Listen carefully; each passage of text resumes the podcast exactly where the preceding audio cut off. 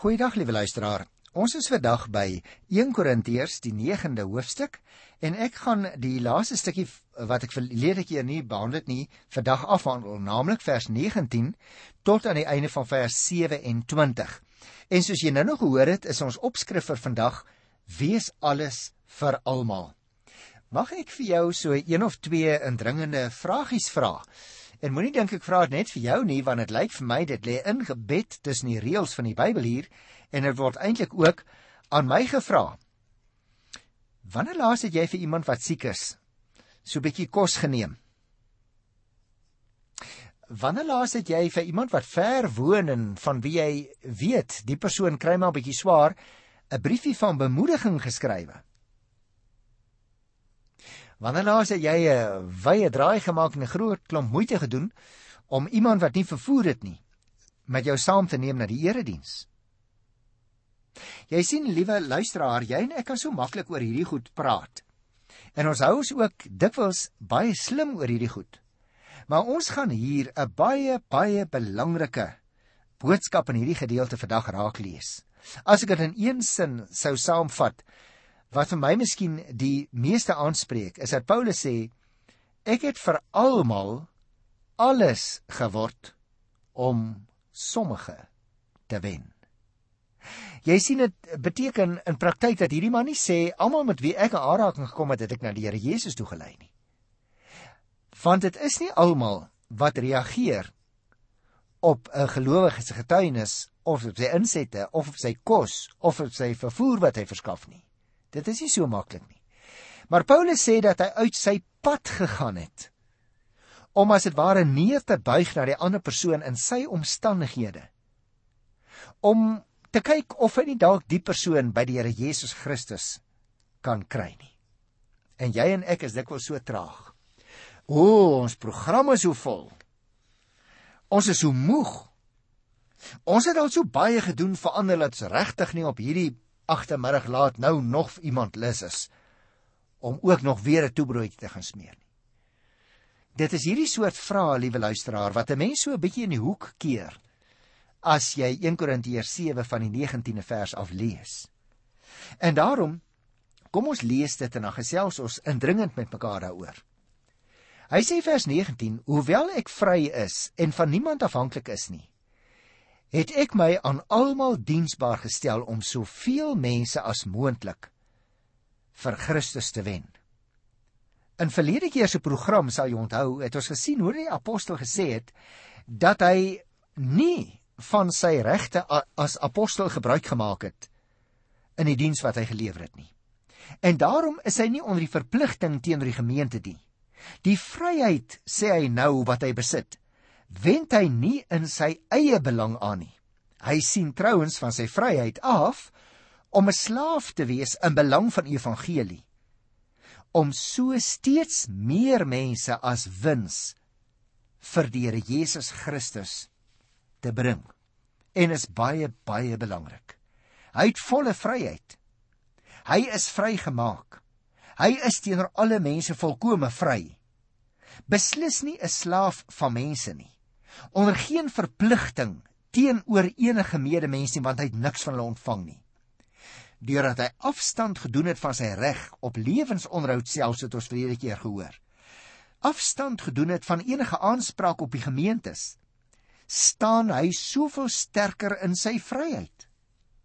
Die egte vryheid, liewe luisteraar, lei egter nie tot selfgenoegsame verheffing nie wat moontlik selfs die siel van die medemense in gevaar kan stel, soos in die geval van die hoogmoedige Korintiërs nie. Inteendeel sê die apostel hier in die 19de vers, die vryheid van hom as apostel word diensbaar gestel aan die behoud van soveel as moontlik. Want sê hy, die woorde want alhoewel lei tot omdat Alhoewel ek eintlik alle dinge van hierdie mense kon eis, sê hy, het ek dit nie gedoen nie. Hoekom nie? Omdat ek aan Christus onderdanig is. Dus, juis omdat hy so volkome vrygemaak is, het hy hom aan die Here diensbaar gestel. En daartoe het sy vryheid in Christus hom in staat gestel. Die doel voor oë is om soveel as moontlik mense vir die Here te wen, sê hy. En hier word eintlik 'n handelsterm gebruik wat beteken om wins te behaal. Hy sê ek wil soveel moontlik wins behaal. Nou wil ek graag vir jou vra wat dalk 'n besigheidsmens is. Jy wat dalk werk vir kommissie. Jy wat al werk vir 'n groot salaris. Jy wat koop en verkoop, al hierdie dinge om wins te behaal. As dit die gawe wat die Here jou gegee het is, liewe luisteraar, wil ek jou vra, hoeveel daarvan gee jy vir die Here terug?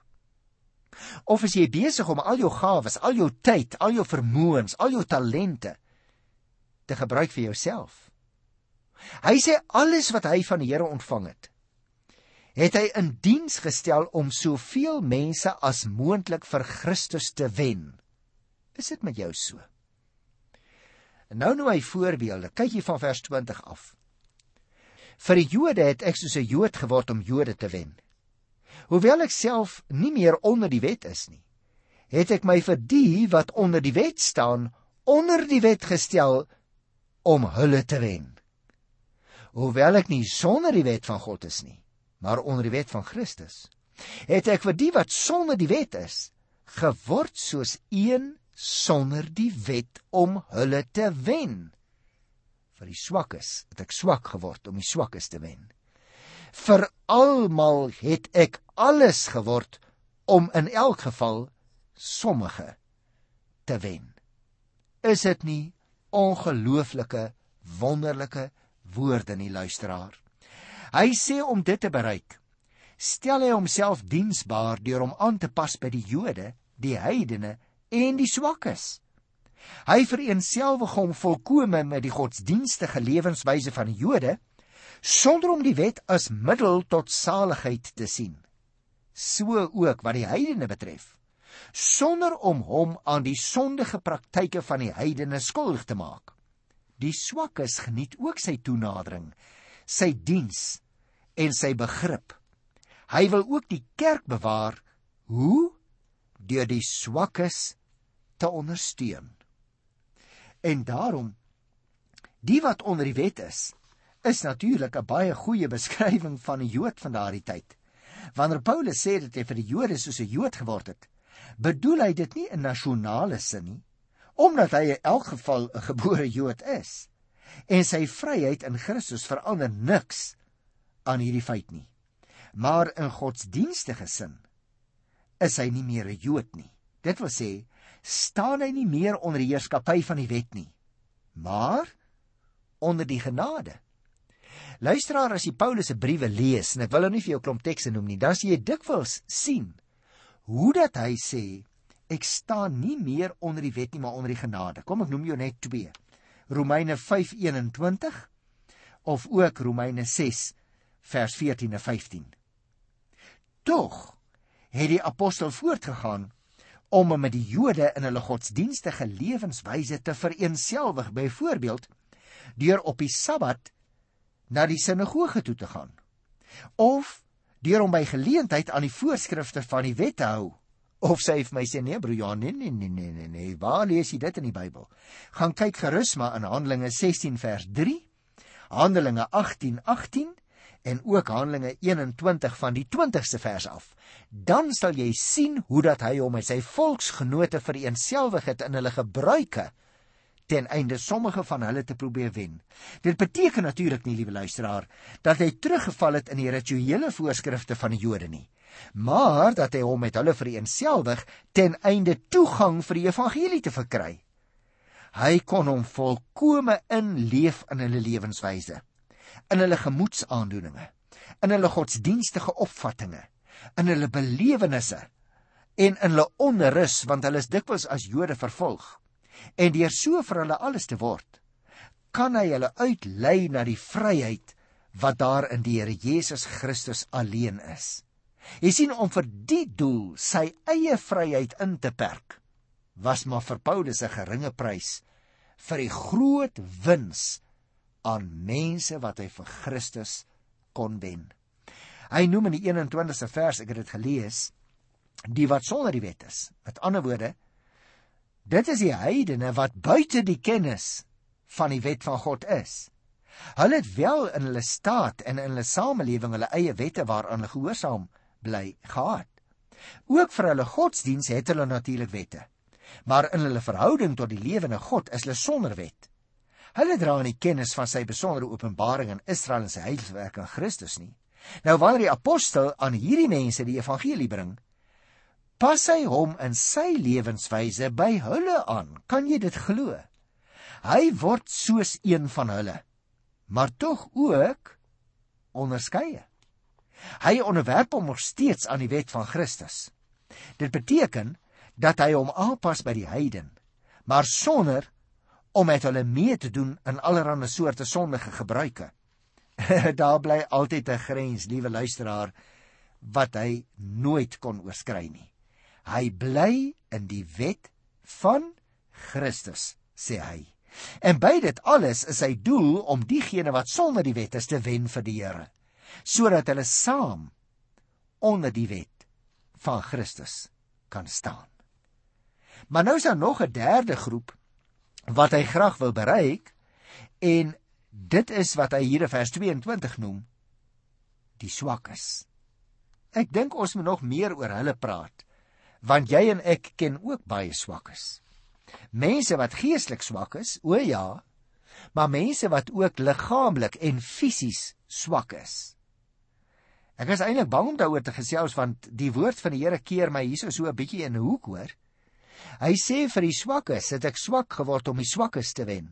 Vir almal het ek alles geword om in alle geval sommige te wen.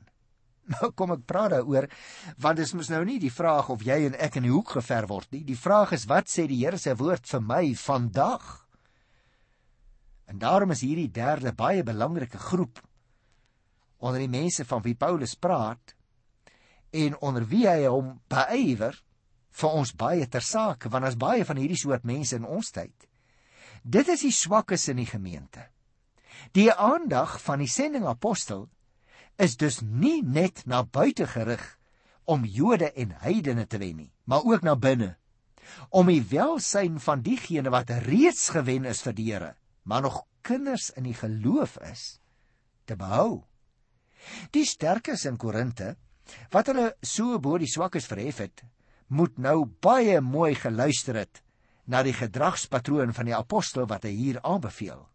Jy sien hy sê ek is bereid as Christen apostel om langs die swakke te gaan staan ten einde om aan te help in die geloof ten einde hom wat tot geloof gekom het maar nog min gegroei het te behou vir die evangelie. Ek wil hom laat groot word in die evangelie. En om dit te bereik sê die apostel, is geen selfontseggings te moeilik. Geen prys is te hoog om te betaal nie. Hoofsaak is dat hy probeer om ten minste sommige te red. Ek het vir jou gesê dit keer my in die hoek wat ek in hierdie 22ste vers gaan lees, die luisteraar nou miskien verstaan jy beter. Maar jy sien nou begin die Here se woord vir jou of my vra. Stuur ons ons aan daardie ou wat swak is in die gemeente. Aan daai ou wat nou nie met soveel ywer die Here dien as ek nie. Of sê ek vir myself, ja, daai is daar 'n hardkoppige ou hè. Hy kom net kerk toe, hy's nêrens betrokke nie. Het jy al ooit probeer om vir hom of vir haar bietjie betrokke te kry? Om ook vir hulle te help om aktief te word, nie net tot geloof te kom nie. Dit doen die Heilige Gees. Maar om aktief te word in die opbou van ander gelowiges. En daarom vat dit vir my so sterk saam as hier in die 23ste vers staan. Dit alles doen ek. Mag ek vir jou vra, hoekom doen jy sekere dinge in die gemeente? Die apostel se antwoord is hy sê, dit alles doen ek ter wille van die evangelie sodat ek aan die vrug daarvan deel kan hê. Ek weet nie of dit so gaan werk nie. Dit gaan seker nie so werk nie, luisteraar, maar mag ek 'n praktiese voorbeeld noem in moderne terme? As jy so voor die televisie sit en jy sou kyk na 'n video van jou eie lewe en jy sien daai keer Toe jy 'n graad ontvang het of toe jy 'n prys ontvang het as 'n goeie boer, daai keer toe 'n maat sommer net toe jy verjaar het, vir jou so 'n paar klein koekies gegee het, wat eers baie geld gekos het nie, kan jy jouself op die video sien. sien jy hoe glimlag jy? sien jy hoe lekker was dit vir jou? Jy het deel gekry sê die apostel hier aan die vrug van die geleentheid. Wil jy en ek nie ook maar graag deel kry aan die vrug van die evangelie eendag nie? Voor die Here staan is die Here so kyk na iemand voor my in die tou. En die Here glimlag so vir daai ou. En as hy na my kyk, dan lag hy sommer hardop. Die liewe Here in my guns. Hoekom sou hy dit wou doen? Omdat jy instrument was om die ou voor jou vir die koninkryk te wen. Jy sien dit is waaroor dit gaan. Nie oor ons slim praatjies, wie by ons hoort en wie nie by ons hoort nie. Ouens wat te moeilik is en te hardkoppig en so. Dit gaan daaroor dat ek alles doen ter wille van die evangelie sodat ek ook aan die vrug daarvan kan deel hê wil jy nie vandag daarmee begin nie. Jy sien, die Here praat deur sy gees ook met my as ek dit lees. Dat ek nie net omdat ek agter die mikrofoon sit myself kan verskoon by dienswerk nie. Dat ek nie net omdat ek eintlik 'n voltydse predikant is deur die Here geroep maar net met my werk as predikant kan besig wees nie. Terwyl ek hier sit, liewe luisteraar, wil ek onderneem teenoor jou want iemand se naam glo ek is nou net deur die Heilige Gees op my hart gelê. Ek gaan daai ou besoek as ek by die huis kom vandag. Hoekom? Die apostel sê in vers 23 dit alles doen ek ter wille van die evangelie sodat ek aan die vrug daarvan deel kan hê. Kom ons begin sommer vandag daarmee. Goed, vers 24 tot 27. Kom ons kyk so 'n bietjie daarna want hier staan net sulke wonderlike en verskriklik belangrike goed. Weet julle nie dat julle atlete is wat aan 'n wedloop deelneem? Dat julle wel almal hardloop, maar dat net een die prys ontvang nie? Hardloop dan so dat julle die prys kan wen. Almal wat aan 'n wedstryd deelneem, ontsê hulle self allerlei dinge. Hulle doen dit om 'n verganklike oorwinnaarskroon te verkry, maar ons 'n onverganklike te verkry. Ek hardloop dan soos een wat nie van sy doel onseker is nie. Ek slaan soos 'n bokser wat nie in die lug slaan nie. Maar ek oefen my liggaam en bring dit onder beheer sodat ek nie ander tot die stryd oproep en self nie kwalifiseer nie. O, luisteraar, dit druk 'n mens nog meer in die hoek nie waar nie. Kom ons gesels so 'n bietjie hieroor want die apostel gebruik hier 'n lekker eenvoudige beeld elke keer as 'n mens na die Olimpiese spele kyk op die televisie. Dan verstaan jy hierdie beeld net soveel beter. Jy sien, die lewe van die gelowige is 'n lewe van inspanning en van toewyding. En Paulus verduidelik dit met die beeld uit die sportwêreld. Ons moet onthou, naby Korinte is elke 2 jaar in daardie tyd die Isthmiese spele gehou. En die kenmerk van die sportlewe wat van toepassing gemaak word hier op die lewe van die Christen, is eerstens die inspanning om eerstens die wetpaal te bereik en tweedens die voorbereiding en die toewyding onder meer deur die onthouding van sekere dinge.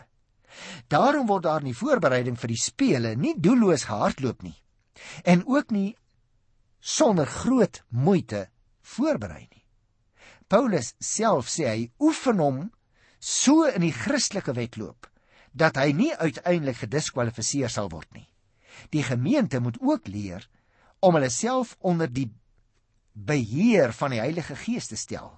Hulle vryheid reg te gebruik en hulle te oefen vir wat?